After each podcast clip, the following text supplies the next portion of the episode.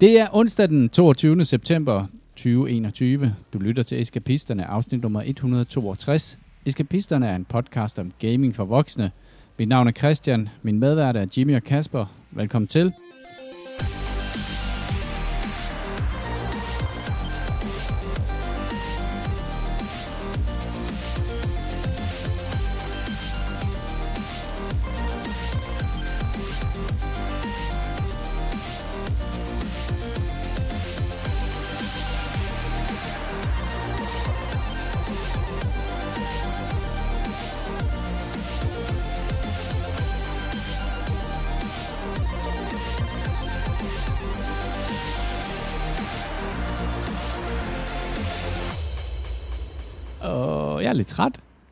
Også. jeg har været sent op i går.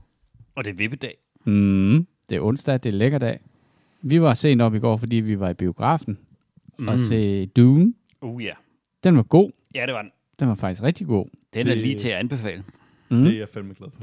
Den skal du gå ind og se. Jeg vidste bare ikke, at der var en toer, så jeg var lidt overrasket over, at den pludselig sluttede der, hvor den sluttede. Og der, Men- da den ligesom startede, der stod part 1 det år, det, det havde du ikke mærke i. Nej, Okay. nej. Ej, jeg havde fået det at vide lige før vi gik ind. Men jeg har faktisk holdt mig langt fra, hvad det hedder, trailer og reviews og alt muligt omtale, fordi det skal man bare gøre med alle film, tror jeg. Ja. For ellers På nær den her podcast, selvfølgelig. Ja, på nær den her. Nej, nej, vi kommer ikke med nogen spoilers i den her podcast. Nå, nå du Andet end, spoiler at, jeg bare siger, den er god. Okay. Hvis man, har, hvis man er fan af... Er det ikke en lidt form for spoiler, i og med, at vi har med Dune-filmen at gøre? Um, Jamen, hvis det er en bog, der er udgivet i 65, så, så vil jeg så sige, så er der en vis form for leniency på at afsløre handlingen. Ja. Nå, men det, det var mere, jeg tænkte at afsløre, at det er en god film. men du kan godt have set ja. uh, den uh, første Dune-film, uden at være helt klar over, hvad der er sket i, i Dune-universet. Hashtag spoiler. Jesus dør undervejs, men så sker der noget rigtig spændende i Bibelen. Så bliver det vildt. Så stikker det af. Pay attention, for nu sker der noget rigtig vildt. Dune er jo på mange måder sådan en forløber for Star Wars og den slags, ikke? Alt. Noget, der Forløber en, for en alt. Forløber for alting, ikke? Ja. til S-spil også. Bare bedre. Bare bedre end Star Wars. Et federe Ja. univers. Et uh, mere sådan... Uh, Altså, der var en... mindre fairy tale. Jeg har ikke læst, ligesom dig har jeg undgået at læse reviews, men der var faktisk et review, som jeg glæder mig rigtig meget til at læse, og det var i øh, det review, der er i politikken. Fordi der stod der, øh, jeg tror, jeg kan ikke huske, om han brugte ordet elendig, men i hvert fald skuffende, og, øh, og, og den, den glæder mig til at læse, fordi alle andre steder, der blev den, øh, der blev den anmeldt meget, meget om rosende og floromvundet og storslået og alt muligt andet. Og så tænkte jeg, det glæder jeg mig rigtig meget til at læse det der review. Hvad fanden havde den mand fundet? Og det viser sig jo så selvfølgelig, at det er jo en af dem, som er religiøst forelsket i, i Dune, og han, øh, hold nu kæft, hvor han kan sin Dune-teori. Øh, øh, så han kommer med 100 callbacks til den der monster-epos, som Jodorowsky han skulle have lavet en gang i øh, 70'erne, hvor at alting gik i, øh, i fisk, og det blev ikke, det skulle have været med Mick Jagger og, og alt muligt. Øh, og, og den, den, den bliver han ved med at, at lave callbacks til den, og så, så tænker jeg, hvis du har så mange forventninger, eller Ja, bliver du skuffet? Kun blive skuffet, ja.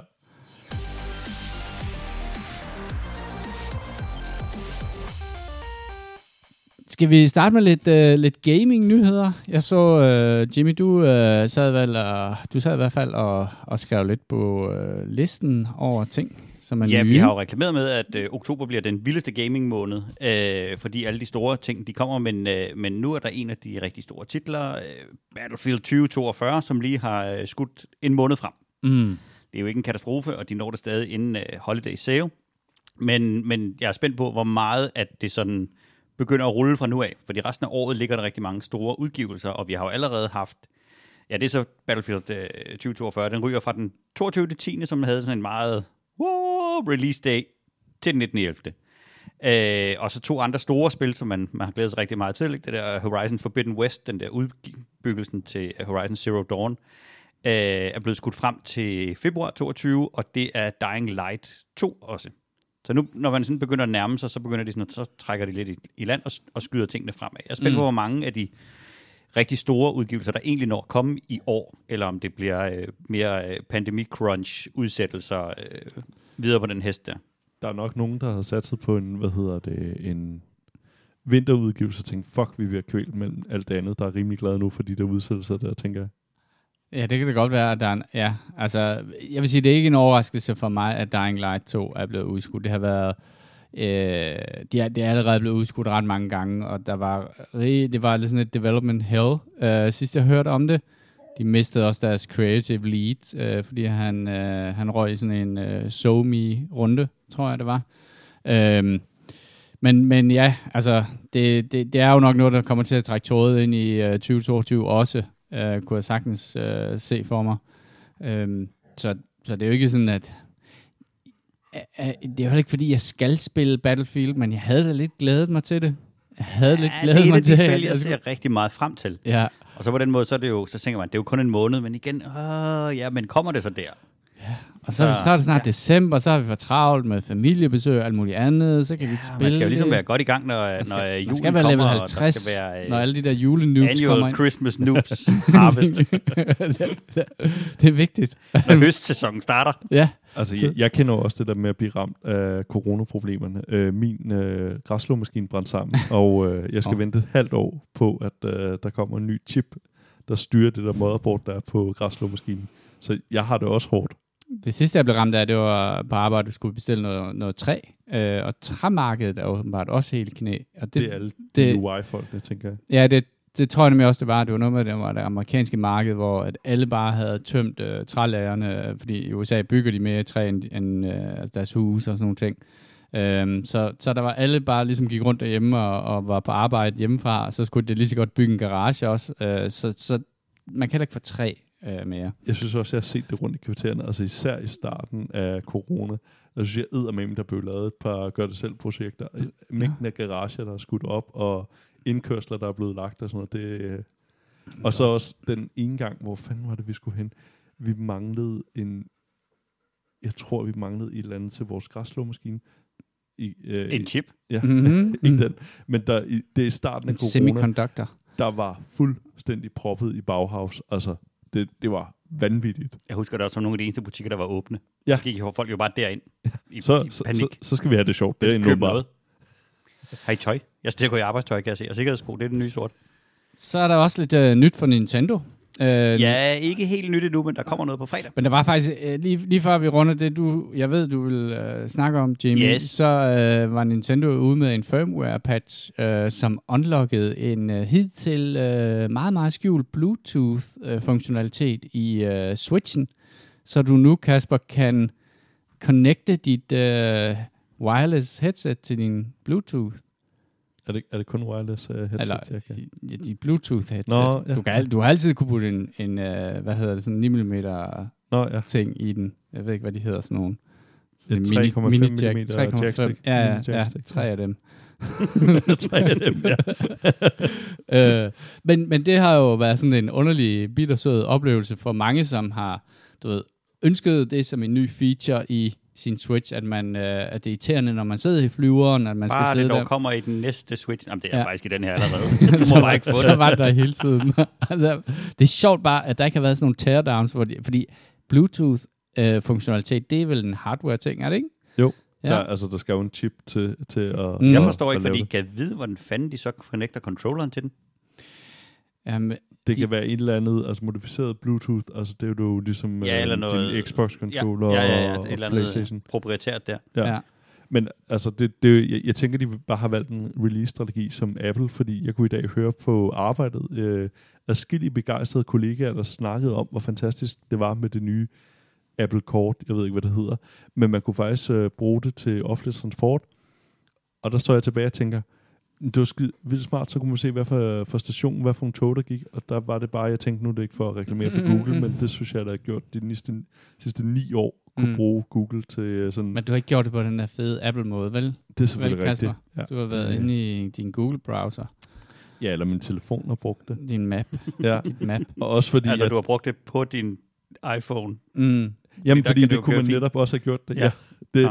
jeg, har- jeg har set min kone gjort det adskillige gange, og hun øh, sværger til, til Apple, så jeg, jeg var lidt forundret over, hvordan man kunne stå og juble på den måde over en...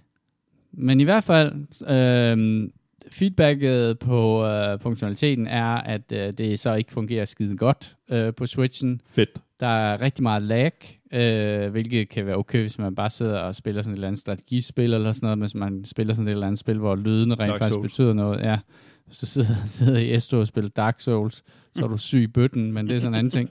Og det har jeg Øh, gjort. men, nå, men så, så var det ligesom, nu, det, nu kan man det. Så tillykke til alle os, som ejer en Switch. Yes. Øh, det, jeg, jeg ventede gik uh, straks ind for at se og afprøve det og downloade den nye fir- firmware, men min Switch, som ligger inde i uh, tv-møblet, var selvfølgelig løbet tør for strøm. Uh, og uh, kan ikke rigtig fange en charge. Ja, det, det skal man passe på. Øh, Jeg ved ikke helt, hvad der er, der jeg, sker. Jeg, jeg havde nemlig også tændt op for min, og øh, jeg tror, det tog øhm, to eller tre dage, før den ligesom begyndte at vise et indikator på, at den var ved at oplade et eller andet. Så det, det var meget hyggeligt. Jeg Mhm. troede, min, min Switch var afgået ved døden. Det var ret frustrerende. Det er da vildt sindssygt, fordi der har, man har jo kunne købe sådan en dims, man satte i bunden af den, sådan, så man kunne for netop kunne connecte et, et wireless. Ja, Øh, det marked der er de ligesom altså- dødt nu. Der må de altså have siddet og grinet inde med Nintendo i deres lille japanske skæg. Men mindre det selvfølgelig virker bedre end, end, end Jamen, det, det, der. der, tror jeg, der virkede, det virkede vist upåklageligt. Ja, Men, ja. øh, men jeg ved ikke, Ja, man øh, kan sige, de det, må marked, en plan for ja, det. det marked er i hvert fald, det er nok Ja. rimelig dødt nu, kan man sige. De Øh, havde nok bare fået tømt ud af lageret af de der ting, tænker jeg. Og Åh, så, ja. var, ja, ja, så gider vi sgu ikke det der mere. aktivere plan, et eller andet. Øh, Jimmy, du har siddet og rodet lidt på det mørke, mørkeste web og fundet nogle virkelig saftige rygter. Ej, det, er så mørkt er det net heller ikke, fordi der kommer, en, øh, der kommer en Nintendo Direct på fredag, men en af de ting, som der er nogle øh, internetdetektiver, der har fundet ud af, så er det, at der i forbindelse med den her Direct øh, sandsynligvis vil blive announced en ny controller. Øh, det gør Nintendo jo en gang imellem, men der er simpelthen nogen, der har været inde ved FCC, som jo er de der øh, Federal øh, et eller andet commission i øh, USA, øh, og fundet en hel masse patentpapirer, øh, som, de skal gøre, øh, som de skal gøre offentlige. Og der har Nintendo søgt om noget, som så bliver øh, declassified her på fredag, som hedder en HAC 043 i navn. Og øh, HAC, Det kender vi jo alle sammen. HAC 042 var en øh, controller, HAC 001 var øh, Switchen.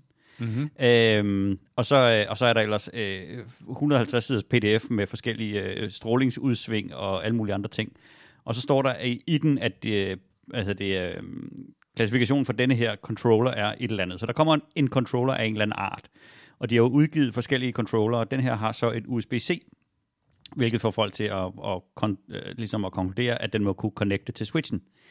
Øhm, så den sandsynligheden er, at det er en, en, en Game Boy eller en en Nintendo 64 remake controller, der passer til din Switch, så du kan sidde med den rigtige gamle øh, fantastiske øh, reminiscens og, og nostalgifølelse. Og få ondt i Og fingrene. mange penge i nostalgi, jo. Ja, det er der selvfølgelig. Kæmpe segway til det næste, vi skal snakke om. Men det er, lidt- det er lidt spændende, og jeg elsker, når sådan noget sker, at, øh, at øh, byråkratiet det ligesom øh, backfire og på den måde omgår de her store hurra-meldinger, fordi der er nogen, der sidder, haha, der er detektiver, og skiller alt det der og tænker, nå, jamen, så er det nok derfor. Jeg, jeg havde lidt håbet, at det var en eller anden ny form for Joy-Con. Altså noget, man Det er kunne også muligt. klikke på, øh, fordi dem, dem synes jeg jo bare, altså, de, de er bare for små. Øh, Det gør rimelig ondt i fingrene. Ja. Altså, det, ja, og der, der har jo også været alle mulige sager om folk, øh, som oplever, at der kommer drift i dem øh, meget hurtigt, efter de har købt dem og sådan noget. De koster jo øh, omkring 600 kroner eller sådan noget for sådan et ja, sæt. det er rimelig meget for det der ret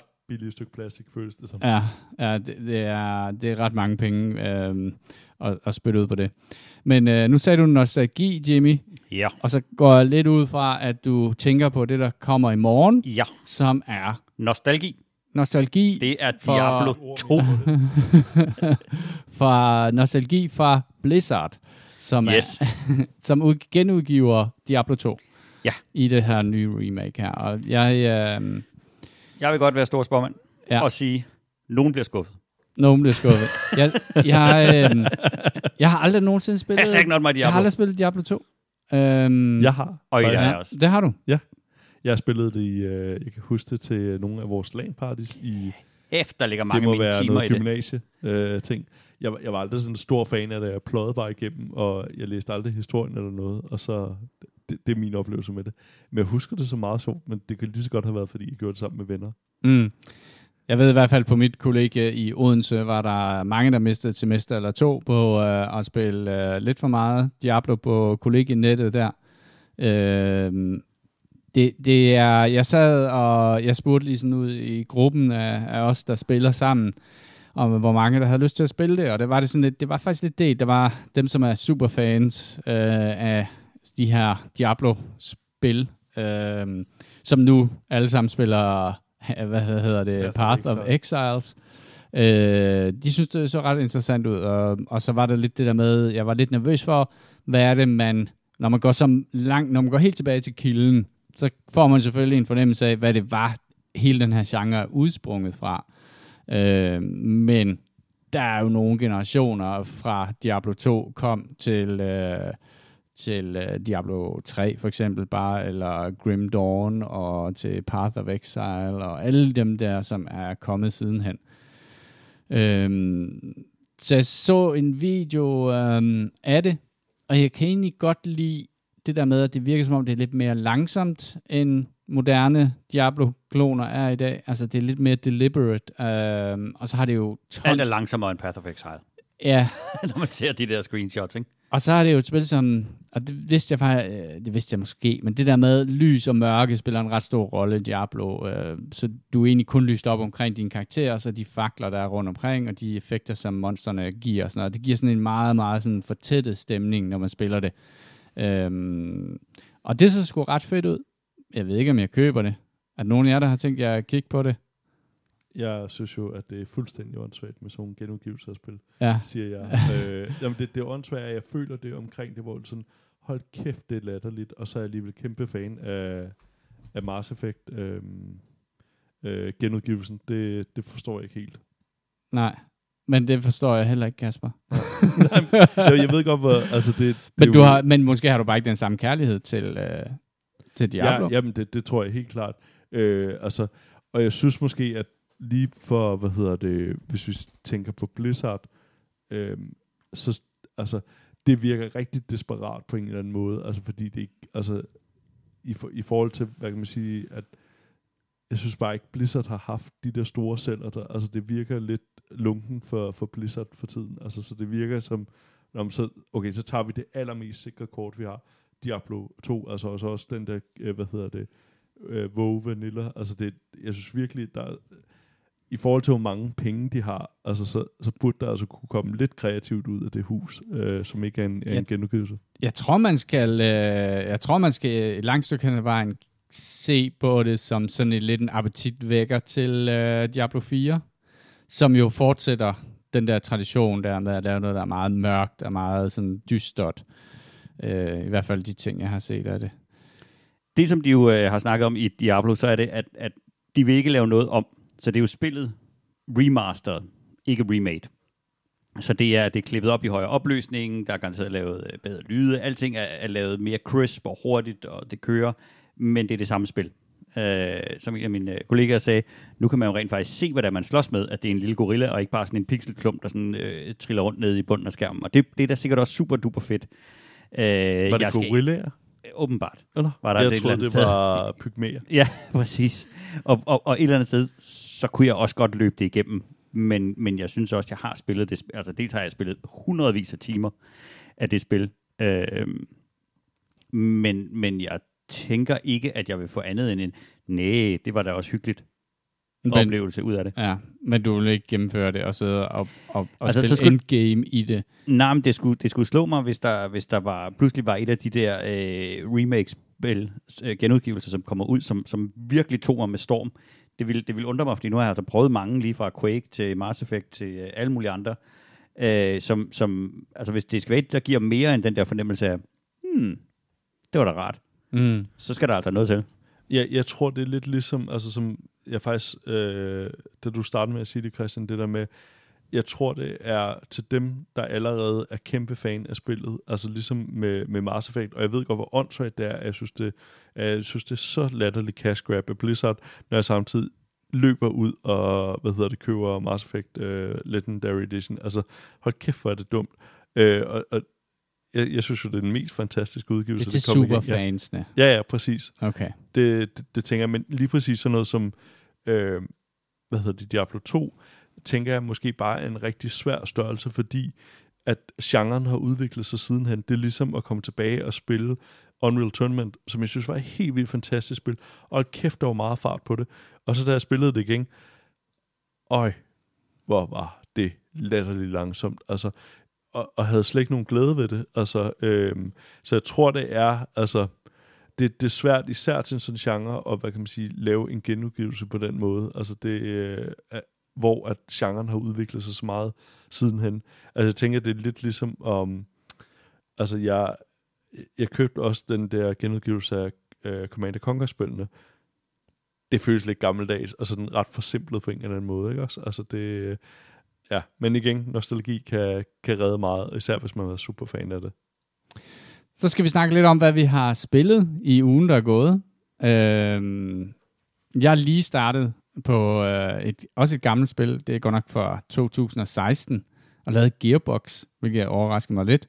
Men øh, det var et spil, jeg havde liggende i min øh, Steam-kirkegård, som jeg har aldrig fået startet. Men efter at have set Doom, øh, så tænkte jeg, ej, jeg kunne godt tænke mig at spille et eller andet, som var øh, lidt i det der univers der.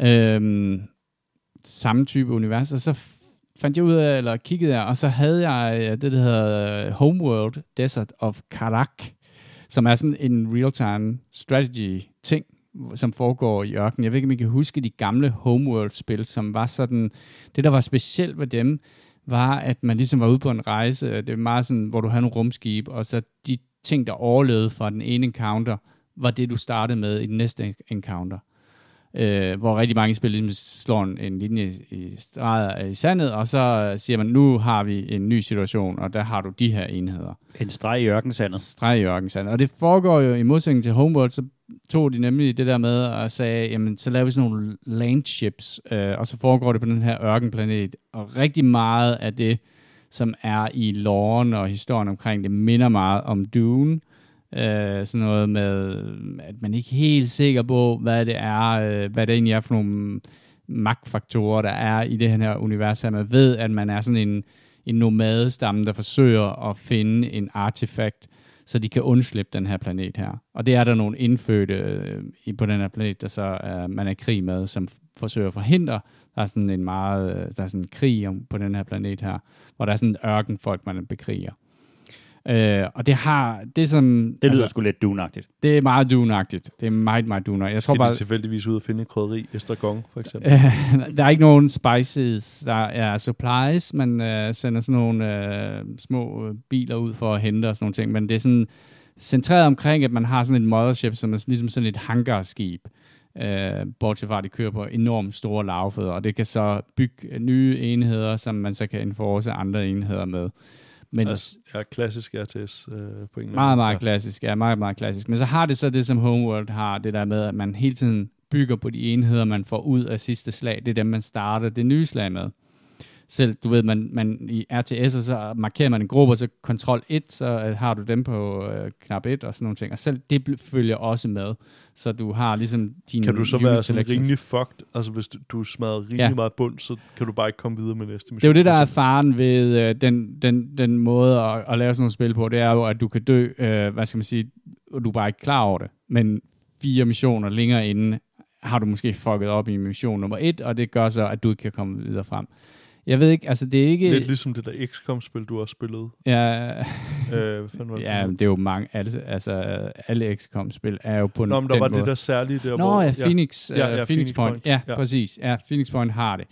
Jeg ved ikke, om det her det har det. Øh, det er utrolig anmelderost, øh, har været har altid gået som sådan en, en, øh, en af de bedste real-time strategy-spil, og øh, så derfor havde jeg også, jeg havde det ligesom på min shortlist om, at jeg ville prøve det, og det har det har meget den der melankolske stemning der, og så har det sådan noget, som jeg bare er en sokker for, og det er sådan noget, øhm, det er sådan, du ved, alting er fyldt med sådan nogle radiomeldinger, hvor, hvor man bare kan høre det sådan, man kan ikke høre, hvad de siger, men man bare, bare tydeligt høre det sådan nogle forskellige enheder, der hele tiden melder ind på sådan, på sådan en eller anden radiokanal, sådan noget radiochatter støj, øh, sat over sådan et øh, ørkenmusiktema, som også er meget sådan Dune-agtigt.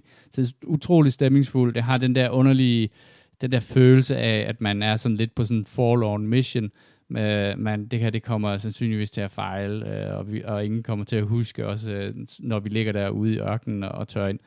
Men det, øh, så er det spillet her, det, det, jeg blev sgu lidt grebet af det. Så det var lidt fedt. Øh, det er tit på tilbud. Det er lækkert at have så stort et, øh, en, en kirkegård, som man bare kan gå tilbage og så sige, jeg kunne godt tænke mig at spille noget, der var lidt, lidt Dune-agtigt, Lidt uden at spille Dune. ja, præcis. Har I spillet Dune, det rigtige spil? Jeg spillede det kort øh, dengang. Etteren eller Ja, toeren? Toeren øh, Ja, dengang. Det er den, øh, alle har spillet.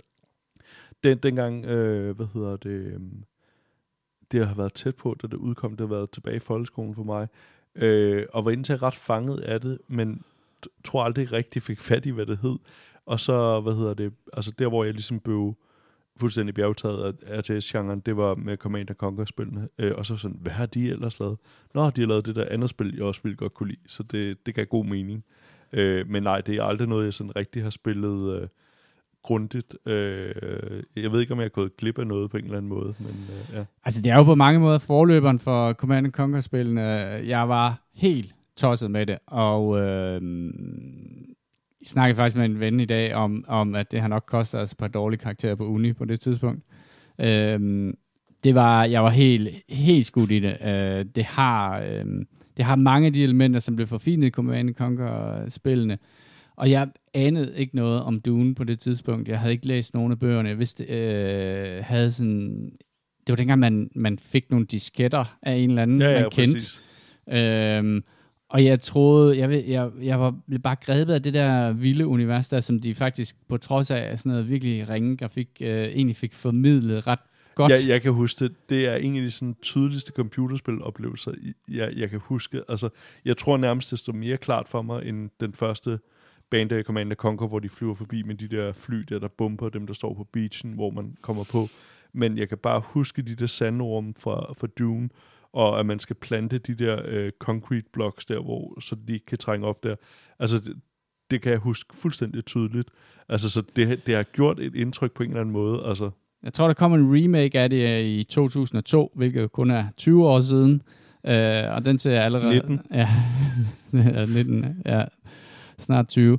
Øh, det, det var, altså det ser jo meget bedaget ud. Men jeg, jeg tror, at det, det er sådan en af dem, hvor jeg bare tænker, det var bare en fed oplevelse. Jeg har ikke lyst til at øh, spille en remake af altså det der spil der, lidt ligesom vi snakkede om med, med Diablo der. Jeg har nogle meget, meget stærke minder omkring det spil, som jeg egentlig ikke har lyst til at få ødelagt. Fordi det var sikkert ikke så fedt, som jeg husker det. Men jeg, altså på det tidspunkt var det jo toppen af, altså af spille. Altså, det, det må jeg faktisk indrømme også omkring Mass Effect-spillene, at jeg kan godt mærke især i det første, wow, det er altså tungt nogle steder, og det skal I selvfølgelig ikke lytte til, I skal spille det. Men øh, hvad hedder det? Jeg, jeg kan godt se, og det er bare et spil, som er relativt nyt, og som jeg ligesom synes står som en af sådan, altså, milepælene for mig. Altså, så jeg tør ikke kaste mig ud i noget, som har haft væsentligt kortere udviklingstid, væsentligt mindre time. Altså det, øh, jeg tror bare, det er rart at have de der minder, og det er jo ligesom at, hvad hedder det, vi kan jo sagtens se film nu, der måske er 20 år gammel, uden at de føles dated på nogen måde. Bare ikke dem alle sammen. Nej, her, jeg mener jo specifikt, jeg, at det her med at have haft fantastiske spiloplevelser, Nå, og tænke, ja, ja. wow, alt muligt, det, er jo, det ville være som at gå tilbage og se en Van Damme-film, og man Mm. ville sidde og tænke, Ja. ja. Jesus Christ, hvad var der galt med mig dengang.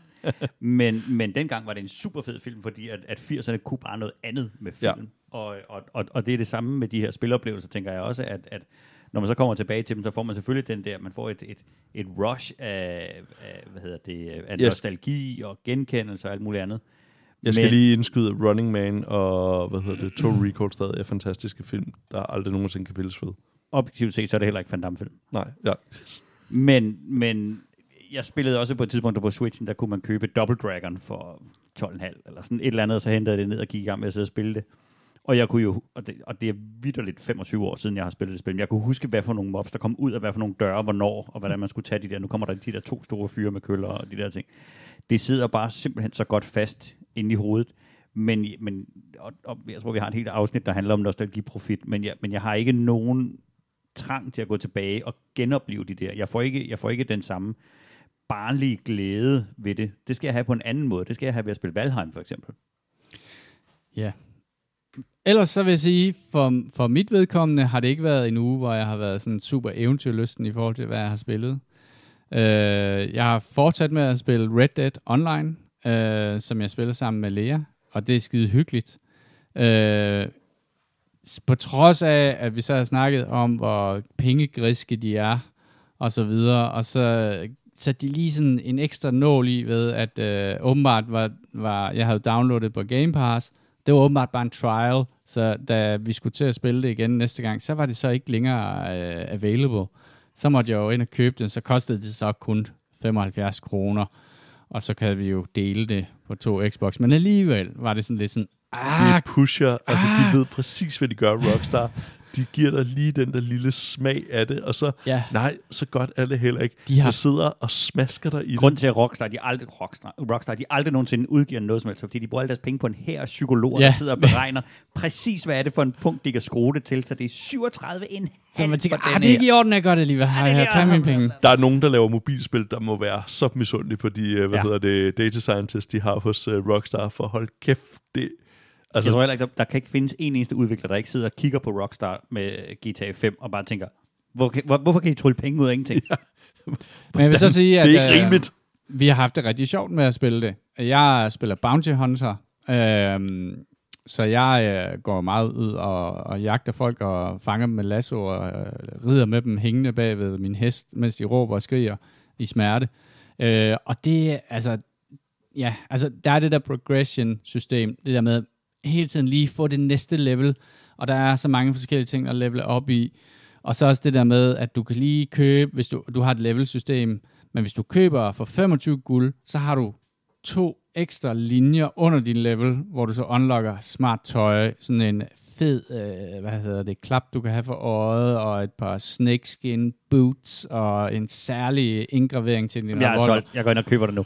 Det, og, det, og det var sådan, det var, jeg, tænkte, jeg var virkelig tæt på at gøre det i går. Øhm, men jeg er faktisk også ret tæt på at have samlet det guld, jeg skal bruge til det. Øhm, lige nu har jeg 8 guld. Øh, jeg tror måske, jeg har spillet det tre aftener eller sådan noget den stil. Så, så, Så jeg du mener, du er tæt på 25. Ja, jeg er rimelig tæt på 25. Øh, Men du kan lige købe det. Men der er sådan noget, men det kan, og så har de også sådan et, der er sådan et, jeg kan ikke huske, hvad det hedder, Gunslinger Pass. Og i det Gunslinger Pass, som koster 25 guld, som du så kører parallelt, der ligger faktisk 25 guld i det. Så du vil få 25 guld ved at give 25 guld, men så bruger du du, behøver selvfølgelig ikke bare at det. forklare dit misbrug til Prøv mig. at- Det- jamen, Du behøver ikke at sidde retfærdiggøre med- det. Jamen igen, altså jeg, kan jo ikke, jeg, jeg har jo jeg, jeg har en her af psykologer, som forsøger at hvad der regne mod, og det kan de godt Det kan de. det kan de godt. Også selvom jeg sådan er klar over, hvad det er, der sker, så føler jeg jo stadigvæk det der med sådan, jeg ved godt, hvad der sker, men det er stadig en, en helt okay deal. Det er stadig crack cocaine. Den tager altså. jeg. Jeg så en, der havde lavet en post, hvor han, hvor han spurgte, hvad er det mest sociopatiske, I har gjort, mens I har spillet uh, Red Dead Online? Eller uh, Red Dead Redemption. Og når man så læser ned igennem, hvad folk har lavet, Jeg og prøver at huske ting. Tilbage på, hvad man selv har lavet, ikke? Altså, Mm. gå ind igennem en by, og der er en eller anden, der kalder dig noget, så tænker du, du skyder alle i byen. Ja. Mænd, koner og børn, jeg er ligeglad, jeg skyder alle. Og samler deres øh, lige i en bunke og tænder ild til det, eller dingler ind i, øh, i, i benene og henter en alligator Snakker vi et afsnit af. Westworld nu? Ja, snakker præcis. vi- Jamen, den er, altså, den, den, man kan jo gå fuld Westworld i det, i det der spil, og jeg tror, vi snakkede om det, dengang vi startede det op. Spillet er ret meget sjovere, hvis du tænker, jeg er i Westworld, så der er ingen konsekvens af mine handlinger. Jeg kan bare være et kæmpe svin over for alle mennesker her. Men der er det alligevel, altså jeg, jeg var på et tidspunkt, øh, og det var, det var så en fejl, at jeg kom til at gøre det her, men der var nogle gangster, der havde, hvad hedder det, øh, fanget en kvinde, og så var jeg sådan en shootout inde i en skov, og det var meget hektisk, og øh, der er så mange knapper i det der spil der, ikke? Og Så fik hesten en på hovedet. Nej, det gjorde det bare, at øh, jeg øh, løb hen imod nogle, nogle af de der 20 som stod sammen med hende der. Øh, og så i stedet for at øh, takle dem, så river jeg min bogekniv frem og takler hende, der jeg skal redde, vælter hende ned på jorden, og så snitter hende i, øh, i halsen øh, flere gange. Øh, og Hvorfor det var bare flere sådan, gange? Men Jamen, der en det var bare fordi, animationen var bare startet. Altså og- separat knap til det.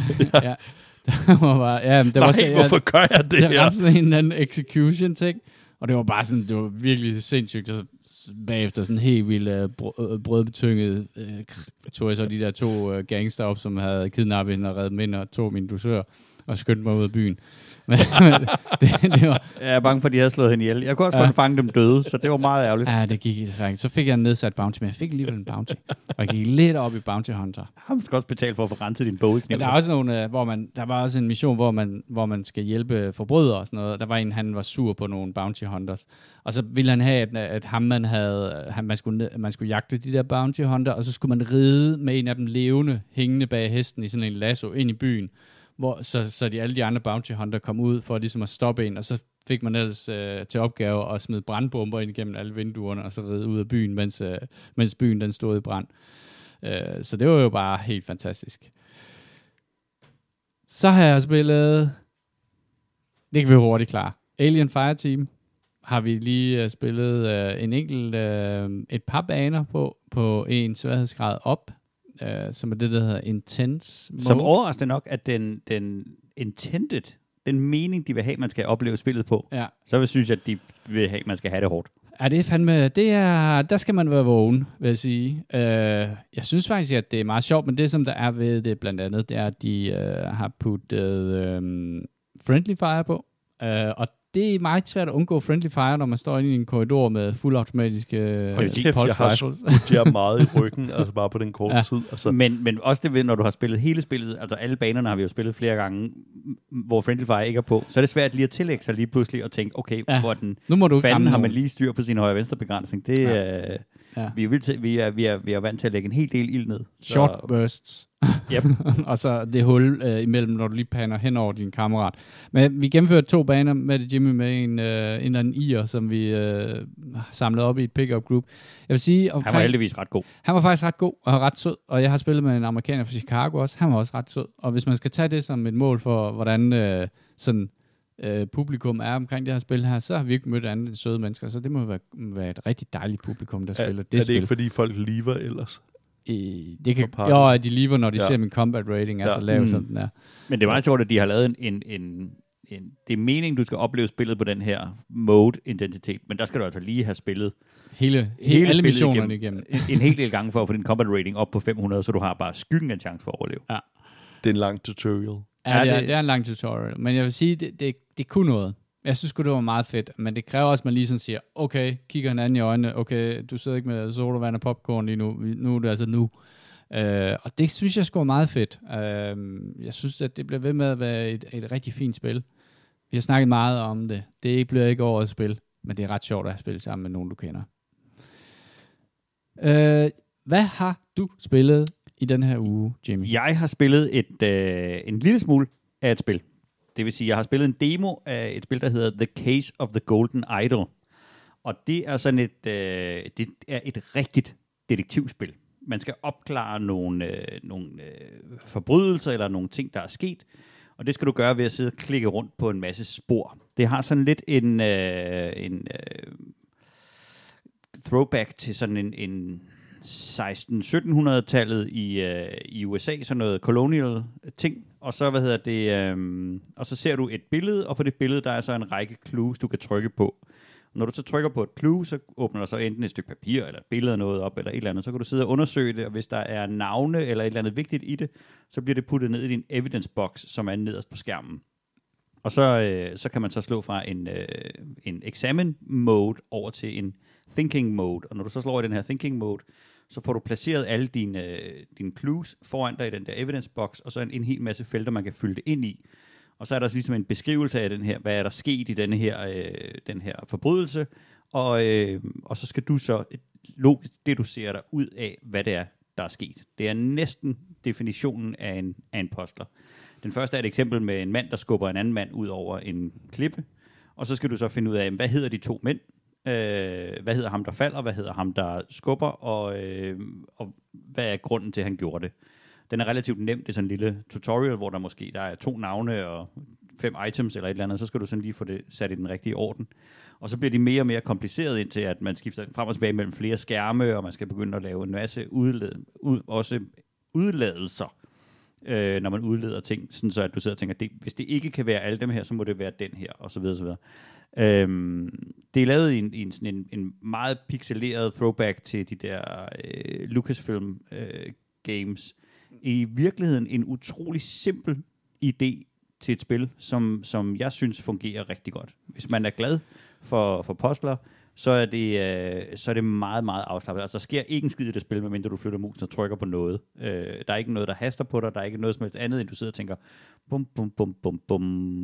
Hvorfor har han et A på skæftet af sin kniv? Så kan han jo Nå, være Allan. Allan, Allan, Adam eller August. Okay. Og ikke andet. Men hvem var det, han var bror til? Og så man har det der mængde af clues, så skal du så sådan sidde og lave det der puslespil. Problemet ved det er, at du kan brute force, så hvis der er et eller andet, du er i tvivl om, så kan du bare sidde og smække den i, indtil navnene passer sammen. Men det går jeg ud fra, at de, de kommer over, når det, øh, når, det, når det rigtige spil kommer. At komplek- kompleksiteten stiger så meget, at det er svært at gøre det. Er det en uh, Obra Dinn knock-off? Nej, det er ikke en knock-off. Det er en, øh, det er en jeg vil sige, den læner sig lidt op af, af Obra Dinn, uden på noget tidspunkt at blive lige så original eller lige så fantastisk. Øh, men, men det er også, øh, og det er overhovedet ikke en kritik af spillet, fordi Obra Dinn er et fucking mesterværk. Øh, og det her, det er faktisk, altså det har, det har, man får lidt, man sidder med den samme stemning. Mm. Øh, det er væsentligt nemmere end Obra Dinn, hvilket også er okay, for Obra Dinn var afskyeligt svært. Jeg synes Øh, også, det var svært at komme i gang med. Altså, Jamen, det tager rigtig ja. lang tid, før man finder ud af, hvad man overhovedet laver. Og Ja, præcis, Det, det, det var- det er ikke svært i det her spil. Øh, og så, øh, så, har, så er der også sådan et gennemgående tema gennem de her forskellige øh, cases, man er i. Og jeg tror, at demoen her, den, øh, den, den viser ligesom, okay, her er der fire muligheder. Hvis du synes, det her det er sjovt, så er det nok cirka det her, du skal lave, når spillet kommer. Men der var også noget med, at man kunne gå tilbage og lave undersøgelser igen og sådan noget. Så jeg tror også, at de har udvidet det med, at hvis du tvivler om, hvad nogen er, så kan du gå tilbage til tidligere mysterier og tænke, okay, jamen, det var jo sådan der, ham der så ud, og han var i gang med det der. Okay, men hvis han har myrdet ham, jamen, så må jeg jo gå ned på stranden og så se, hvem... Altså på den måde, så tror jeg, at det bliver større og mere omfattende. Obradin var øh, meget, meget svært, indtil man fangede logikken, eller mangel på samme, i hvad det var, der foregik. Og så var det ellers bare at sidde og, øh, og vende og dreje det der, indtil at, øh, at det gav mening. Og det var... Øh, hold kæft, det var et godt spil. Cool. Hvad har, hvad har vi ellers lavet af store milestone events? Øh, så kigger jeg over på dig. Har du lavet dine lektier? Jeg har lavet min lektier. Det var ikke, fordi jeg ikke havde lavet min du Jeg, nej, nej, færdig? det siger jeg ikke. jeg, jeg, Jeg, spørger, skrevet, om du har lavet dine lektier. jeg har er skrevet min stil færdig. det er godt. Jeg er blevet færdig med Psychonauts 2.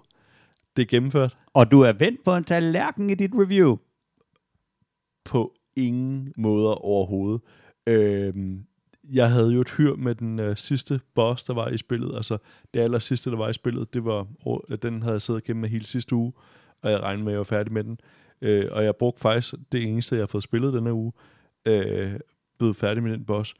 Og jeg gjorde det på en øh, måde, som jeg, jeg nok vil få kritik for. Øh, jeg blev faktisk så træt af det, øh, at jeg var på vej til at quit spillet. Øh, jeg prøvede lige et sidste forsøg, øh, fordi at øh, teksten, øh, eller subtitles, øh, dækkede for nogle ret væsentlige ting i bossfighten.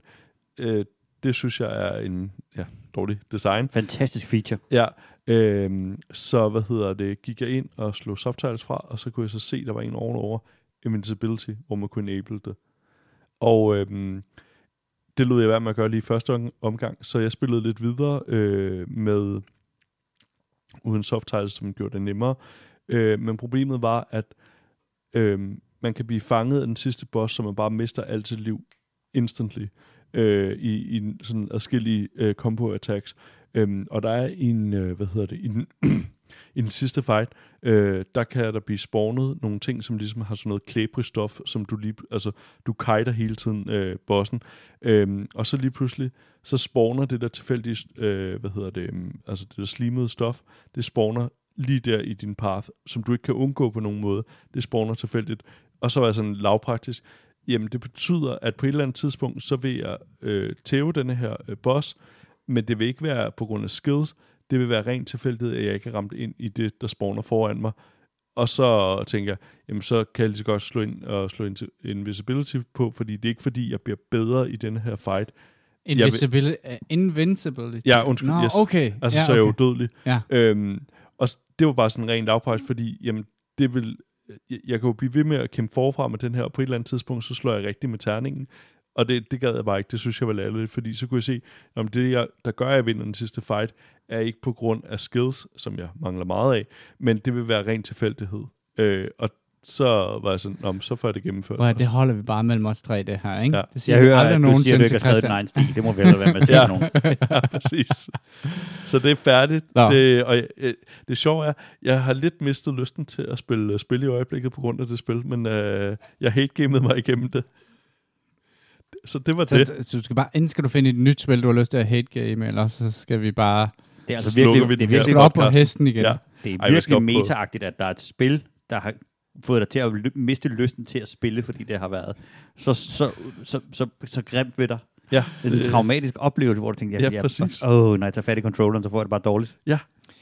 Så kan vi jo uh, sige uh, med skam melde, at uh, hverken mig eller Jimmy har trykket play på det endnu. Er det noget, vi bare skal afinstallere stille og roligt og rykke videre? Jamen, på en måde, så er sådan, det, det er fandme underligt, at alle hylder det på en sådan fuldstændig altså fanatisk måde, at jeg tænker, der må være et eller andet galt med mig, at har jeg bare virkelig set mig sur på det? Ja, men udover det, er det så et spil, som er sådan et øh, middelmåde. Jeg, jeg kunne på en eller anden måde godt tænke mig at opleve, med, med, med det kritik, jeg har rejst af det, er det noget, I kan genkende, når I sidder og spiller, eller bliver I bare fuldstændig opslugt af, at det er så genialt, og Mm. Tim Schafer, han bare er, er guden, der er kommet ned og velsignet, øh, velsignet os med et spil. Øh, Det finder vi måske aldrig ud af. nej. Jeg har stadig en, en, en, en bizarre selvstraffende lyst til at trykke, trykke play på det. Men du har, du har solgt, oversolgt det så meget, så jeg er sådan lidt, åh, musen den, den glider sgu lige forbi, vil jeg sige. Men uh, Jimmy, du har brugt din tid på uh, at være samurai. Jeg har brugt mere tid på at være Slash samurai, ninja. og det er, øh, jeg, jeg må bare sige, det er et latterligt godt spil. Mm. Det er, øh, nu er jeg nået dertil, hvor at, at, at nu sidder jeg bevidst og leder efter ting, som jeg kan kritisere i det, fordi at jeg ikke bare vil være sådan helt øh, svoonet over det. Og det eneste, jeg har lagt mærke til, det er, øh, det ser lidt sjovt ud, når de løber i spillet. Man, der er sådan en sprintfunktion. Det ser sådan lidt skægt ud, fordi der er det bare skruet op for hastigheden på løbefunktionen. Det ser en lille smule spøjst ud. Og den anden ting, jeg har fundet ud af, det er, at der er sådan nogle øh, guiding animals, der, øh, der nogle gange øh, sidder fast i textures. Det er vidderligt det eneste, jeg kan finde ved det spil. Det er simpelthen så godt lavet, og jeg har lyst til at gå ind og spille det igen, lige med det samme. Altså, historien er gribende, den er, den er simpel, og den er indlevende, og, og det rammer rigtig, rigtig meget det der med, du skal ikke tage nogen valg, om du er, om du er den gode eller den onde på noget tidspunkt. Du er den gode, du er virkelig, virkelig Johnny Goodpants hele vejen, og du redder folk, og du er, du er så, god, så god og så godhjertet, du bliver narret hele tiden. Jamen, det er, det er, det er rent su- suppe til mig. Jeg tror faktisk, du har en, øh, en pointe, som jeg også uh, tidligere har oplevet, ved, der faktisk gjorde, at jeg sprang nogle af deres tidligere spil over. Altså, det er jo, uh, hvad det hedder, Sucker Punch, der står bag ved dem. Og de har jo lavet Infamous, uh, hvad hedder det, spil. Nå ja, de der... hvor at det lagde jeg mærke til, da jeg så nogle af mine venner, som var ret begejstrede for den, og jeg tænkte, øh, hvad hedder det, det vil jeg også prøve at spille, og så så jeg ham løbe i det, og blev fuldstændig tændt af på det. Så det, det er lidt en sjov ting, at de bare ikke har en løbeanimation i orden på det studie. Og de har helt sikkert gjort noget ud af løbeanimationen på, hoved, på hovedpersonen. Det ser stadig lidt spøjst ud, når han, når han spænder. Men, men nogle gange så skal man lave sådan nogle escort missions, eller du skal løbe sammen med nogle øh, NPC'er. Det ser fucking funny ud. Altså, det er sådan noget, øh, sådan noget gør gok øh, Keystone Cops, øh, når de spænder. Det er ret skægt. Jeg løb i, i cirkler i lang tid, fordi jeg grinede af det. Og hvor mange timer er du inde nu, uh, Jimmy? Det har jeg ingen anelse om, fordi det fortæller øh, Playstation mig jo heldigvis ikke. Den er jo, en, øh, den er mm. noget, jeg elsker på den måde. Den ikke fortæller mig, hvor, hvor svært mit misbrug er. Men jeg vil skyde på 30. 30 timer. Jeg er ikke kommet sønderligt langt. Og har du en fornemmelse af, om du, når du ikke er kommet Nej, jeg er ikke langt? kommet super langt i det. Jeg kan Nå. sige, skillmæssigt er jeg kommet ret langt, men jeg har også jeg har, jeg har, øh, jeg har lavet mange side missions, jeg er med. Så vi snakker sådan ligesom uh, de her Assassin's Creed, vi snakker sådan en, en tung 80'er. Ja, hvis du vil have øh, det hele med, ja. ja. så, så, så taler vi en 80 eller en 120, for der er jo kommet en voldsom Uh. mængde DLC til, øh, og der er en masse, der er en masse ting, man kan, man kan springe yderligere ud i. Øh, jeg tror, at hvis man går benhårdt efter den, så tror jeg, den hedder 27 timer, hvis du går, altså hvis Okay. du går benhårdt efter complete Ja. ja. og ved, hvad du laver. Okay, okay. Øh, var det de spil, vi havde spillet? Det var så øh, Homeworld, Desert of Karak, det var Red Dead Online, det var Alien Fireteam, det var Dune 2, det var Psychonauts 2, og så var det The Case of the Golden Idol Ja, og Ghost of Tiramisu. Så skal vi øh, en tur ind i anbefalingerne. Og øh, over i Kaspers domæne. jeg har noget at sige også om den der anbefaling, du har nu, Kasper, Ja. fordi den har jeg nemlig set første afsnit af i dag. Ja, øhm, det er den første anbefaling, jeg har, det er en serie, der bare hedder UFO, øh, som er på TV2 Play. Øh, producenten bag, det er Bad Robot, øh, det er J.J. Abrams øh, Ja. ja. produktionsselskab. Det er præsenteret som dokumentar, øhm, og øh, i introen, øh, der har de forskellige, hvad kan man sige, events, man har set før omkring UFO'er. Øh, men så sker der det i introen, at de viser et klip fra en af Apollo-missionerne, hvor at øh, de spørger, hvad fanden er det, der flyver over hovedet på mig? Og øhm, det blev jeg interesseret i, så jeg dykkede ned i det. Øhm, og øh, det er det, der faktisk gør, at jeg blev meget tændt af omkring den, og i tvivl om, hvad det er, jeg sidder og ser, fordi det er Ja. præsenteret som en dokumentar. Ja. Øhm, det, det bliver fortalt som, der er et eller andet mystisk, der sker på en af Apollo-missionerne. Øhm, og det lyder rent nok mystisk, og det er det rigtige soundbites. Problemet er bare, at det er klippet sammen. Det, der skete øh, under den mission, øh, de snakker hvad fanden er det, der flyver over hovedet på os, det er, at øh, de er ved at lave noget med styrofoam, øhm, og øh, når det bliver udsat for kraftigt sollys i vakuum, så eksploderer det, øh, og det er det, de brokker sig over. Men den bliver klippet sådan sammen, som at der er sket et eller andet, og det gør, at jeg er meget, meget i tvivl om, hvad det er, jeg sidder og ser, og synes ikke, det er fedt på en eller anden måde, fordi det gør mig skeptisk om alt, hvad det er, jeg får præsenteret, fordi der var ikke behov for at tage og klippe i Apollo-missionerne, altså i soundbites. Der er spændende nok ting at udforske i det, man kan, man kan dykke ned i. Men det alene gør, at jeg er sådan, okay, hvad, hvad er det, jeg hvad er det, jeg bliver præsenteret Mm. for i resten af det her? Hvornår har I doktoret med det, jeg sidder og ser? Øh, og det, det synes jeg var, ja. Ja, det, det er også øh, mit hovedkritik øh, på den, fordi det, som de også gør, som, hvor jeg bare tænkte, okay, det er bare ren lort, det her. Øh, det var lige introen, hvor de har en masse klip, hvor nogle af klippene er noget, de selv har skabt. Øh, og de siger, og det, alt sammen det er jo lavet, så det ser ud som grynede videooptagelser og sådan nogle ting. Øh, og, man ikke, og der ikke står tydeligvis en øh, rekonstruktion eller sådan et eller andet, den dur hen over det. Øh, så man sidder og bliver i tvivl om, hvad det er, øh, hvad det er, de viser. Jeg vil dog sige en ting, som jeg synes faktisk øh, så var på den formidlende side, det er, at de har en historiker inde. Øh, og det første afsnit, som er det afsnit, jeg har set, der det handler faktisk mere om, øh, at man, øh, at han kigger på det som øh, de her sightings af UFO'er, og siger sådan, hvordan hænger de egentlig sammen med, hvordan resten af verden så ud. Øh, Øh, rigtig mange af de første sightings af UFO'er var folk, der så, mens de kørte i en bil og sådan nogle ting, og kiggede ud af vinduet. Sidenhen blev det meget sådan noget med home invasion. UFO'erne kommer ind og, og, og, og får bortfører mig og sådan noget. Og så kunne han så drage nogle paralleller til, hvad der skete i samfundet på det tidspunkt. Vietnamkrigen øh, fik øh, sådan øh, posttraumatisk stresssyndrom og traumet, øh, hvad der rigtig meget sådan op i den hvad skal man sige, offentlige bevidsthed. Og derfor var der også rigtig mange af de her, hvad det her, traumatiserende oplevelser, som folk havde, som, som man nok kan sige sådan, på en eller anden mærkelig måde var en del af tidsånden. Øh, og så synes jeg også, at de dækker... Jeg synes egentlig, når selve dokumentaren går i gang, så er de egentlig ret gode til ikke at, du ved, lave sådan nogle Øh, red herrings, hvor de sådan hele tiden forsøger sådan at klippe tingene sammen alt for voldsomt. De følger, øh, øh, hvad hedder de, de her New York Times øh, journalister, som var nogle af dem, som var de første til at hvad det hedder, bringe hele den her UFO-debat op i, i, i det leje, som det har lige nu. Øh, og, og snakker med dem, og interviewer dem, og hvem de er som mennesker, og hvad, hvordan de er kommet ind på det her spor her. Og de øh, har jo sådan egentlig en ret øh, sådan sund journalistisk indstilling til det, og det synes jeg fremgår meget godt. Der, der synes jeg ikke, at de overdramatiserer det. Og jeg synes en af de ting, som ham historikeren, som så sidder ude på sidelinjen en gang imellem, går ind og kommenterer, det vil sige, det her det er jo ikke første gang, at, at UFO'er har været sådan... Øh, været sådan meget, noget, man snakker rigtig meget om. Og det er altid sket, når der er, du ved, virkelig øh, højt ærede professorer i psykologi eller sådan noget, som pludselig har sagt, jamen nu har jeg siddet og haft de her folk under hypnose, og jeg, jeg kan i hvert fald sige, at de selv tror på det, de siger.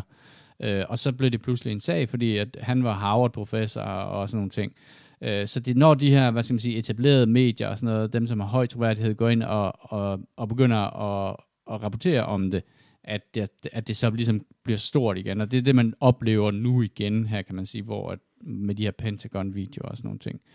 Men nu har jeg kun set første afsnit. Jeg, jeg, jeg lige, lige i starten tænkte, åh oh, nej, det er sådan rigtig amer, noget amerikansk lort. Men jeg synes faktisk, det som, den jo, som ingen jo kan, der er jo ingen, der kan ende med at sige, ja, det var så bare en luftballon, eller ja, det var så bare en alien. Øh, så behandler det lidt sådan fænomenet som, som et kulturelt fænomen. Altså, hvad er, det, hvad er det egentlig, der sker i samfundet, når der opstår de her bølger af sightings og sådan nogle ting? Og hvor, hvor, hvordan angriber vi det nu, eller hvordan snakker man om det nu, i forhold til, hvordan man snakkede det før, og, og hvornår bliver de første sådan, sådan baselines i, hvad en alien sighting var etableret, hvilket var ret tidligt. Øhm, så, så på den måde synes jeg, at den har nogle kvaliteter, men shit, ja, var det træls det der med, at de skamklipper i tingene. Øh, det er bare det, sådan... det, det tænder mig fuldstændig af. Det, jeg, jeg skal selvfølgelig prøve at se den igen, men jeg var bare så... Har du set alle tre afsnit? Nej, jeg, jeg, Ah, okay. jeg har kun set det første, Ja. men jeg blev bare så chokeret over, at fordi at jeg... Altså, der, der er en aftale mellem mig og den, der har produceret den, når man, når man præsenterer noget som en dokumentar. Men når man så, hvad kan man sige, uden at forklare det, lige snyder sådan en ind, hvor man klipper i noget, hvor at, jamen, det er rigtige soundbites, der bliver brugt, men lige pludselig får det til at fremstille på den der måde. Det synes jeg er, altså Ja. ja. det, det gør sådan en tillidsbrud på en eller anden måde, der, der gør det meget svært, øh, og gør, at alt, hvad jeg ligesom sidder og ser i den, hvor jeg tænker, jamen, hvor rigtigt er det, der bliver sagt, og er det bare en eller anden nede fra, hvad hedder det, ligesom, hvad fanden var det, øh, den øh, lignende dokumentar, der på, var på Netflix, af væsentlig ringere kvalitet, øh, hvor at øh, den, der var eksperten, øh, ganske vist så ud og var sat i en flot baggrund og så videre, men øh, altså, meritterne var, at øh, hun havde læst øh, social, øh, socialrådgiveruddannelse. Det gør der nødvendigvis ikke til verdens største UFO-ekspert, og heller ikke, selvom hun har haft quantum healing, øh, et, et kursus i det, som er fucking bullshit, men øh, det, det er sådan en Den er vel ikke. Men det er jo ikke kritisk tænkning der. Nej. Altså, jeg, jeg synes jo, at historien er spændende nok, uden at man behøver at uh, dramatisere Ja, præcis, det. Fordi det er jo det- både det- en historie om, uh, du ved, øh, en gang troede på hekse, en gang troede på. Og så er der også det der med sådan... Mm, altså, det er bare, på, på, på, på langt stykke hen ad vejen, er det bare en øvelse i kritisk tænkning. Altså, det, det, der var med- bare en... Det, man kunne have vendt det så nemt ved bare at sige, at når man dramatiseret få, uh, intro eller et eller andet. Jeg synes, det var så unødvendigt, og det, det pissede mig så grundigt af. Altså. Nå, men den kan du se på TV2 Play. Ja. Og så kan du låne et uh, password af en, som har det, ligesom jeg gjorde. Jeg bliver altid så ked af det, når jeg ser sådan nogle UFO-dokumentarer, fordi at, at jeg, jeg får lige det der lille bitte sug i maven, hvor jeg tænker, at den kunne jeg godt tænke mig at se. Men samtidig så ved jeg også, at lige om den er på 10 minutter eller 10 timer, der kommer aldrig til at være noget i det, hvor jeg tænker, Der kommer ikke til at være op. fasis. der er aldrig nogen, der er aldrig Ja. nogen, og der er aldrig, kommer aldrig til at være en afsløring i det, Nej. for så havde jeg hørt om det. Ja. Så, så det bliver bare mere, øh, jeg tror, jeg ikke ved ikke, hvad det er, jeg ved heller ikke, hvad det er. Øhm, en interessant take på det der, så er det, hvis man ly- lytter til den der flyvende til lærken. Øh, og et åbent sind podcasten samtidig, hvor at Frederik Dirk jo var inde og prøver at forsvare sin kritiske øh, tænkning eller mangel på samme. Eller, og jeg synes faktisk, han gør det meget godt. Øh, Ah, er- I den de- der, ja. i, det, i et åbent sind podcast, hvor Mm. han så bliver udsat Mm. for, øh, for Mm. øh, Virkelig hård kritisk tænkning. stoiske kritisk øh, tænkning og, og, og definitiv Occam's Razor. Men det er også ret interessant, hvor de har ham jægerpiloten Søren Søndergaard til at sidde og diskutere med Mick West, som er ham der, den professionelle debunker, og de, øh, de siger rigtig, rigtig mange gange igennem, øh, igennem den her udsendelse, at de holder en meget pæn tone, men, men de to mænd er bare grundlæggende øh, uenige om, hvad de snakker om. Og det er, det er, en, det er en ret interessant, øh, det er en ret interessant øh, diskussion. Jeg gad godt, at, at, de, at de diskuterede på mere lige fod, for det, det, gør, de, det gør de helt tydeligt ikke. Øh, Søren Søndergaard, han er, er jægerpilot, og han taler ud fra det, øh, Øh, han siger det, og han er ikke øh, øh, sindssygt øh, velformuleret på engelsk.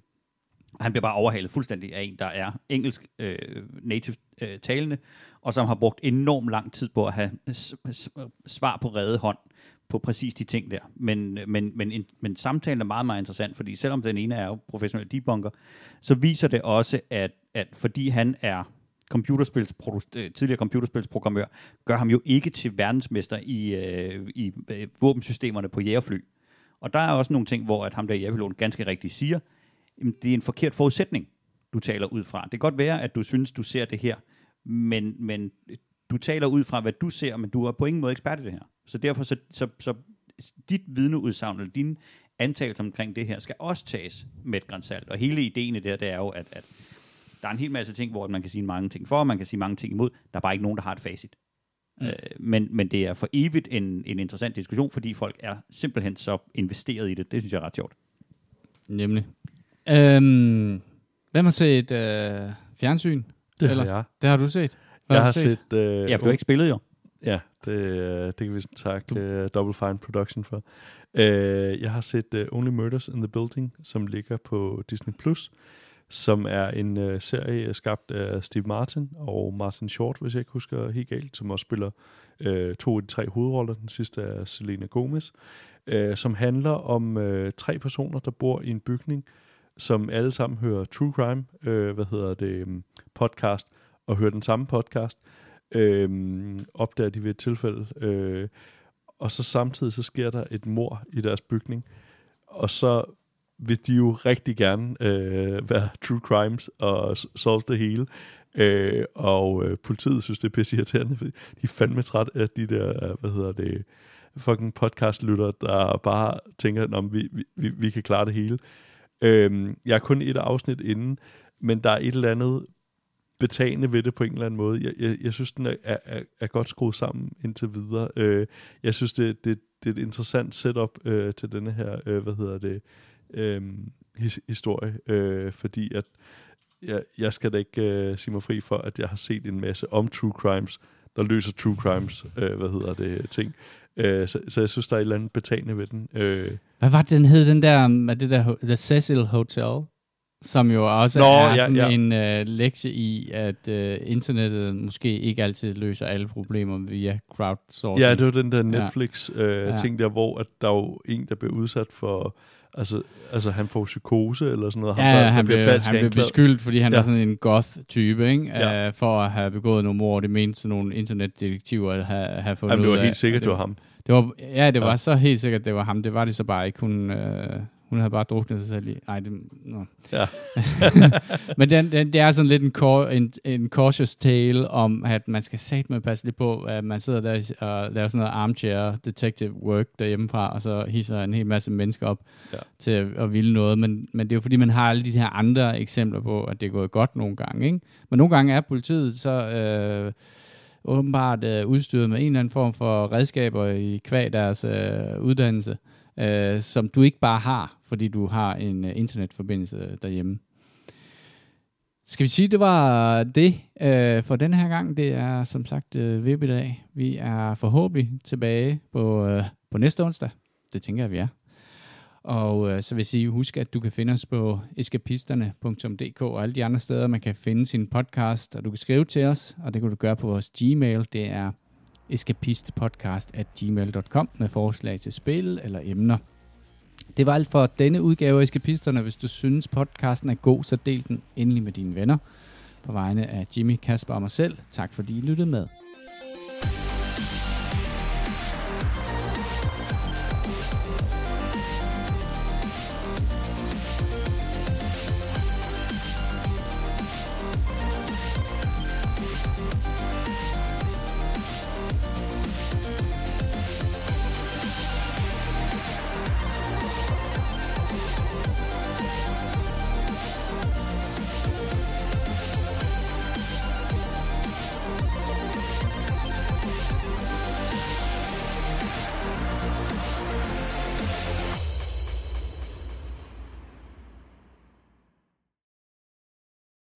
Skal du have tid til at sidde og rode med den der Nej. telefon der, Kasper? Jamen, det er for, jeg, jeg har noter på. Er nu ikke et dårligt tidspunkt at sidde og rode med din telefon, men altså ungdommen nu til dags. Når du sidder og råder med din telefon til det her møde, så giver det mig en øh, fornemmelse af, at du ikke rigtig er investeret i mødet, Kasper.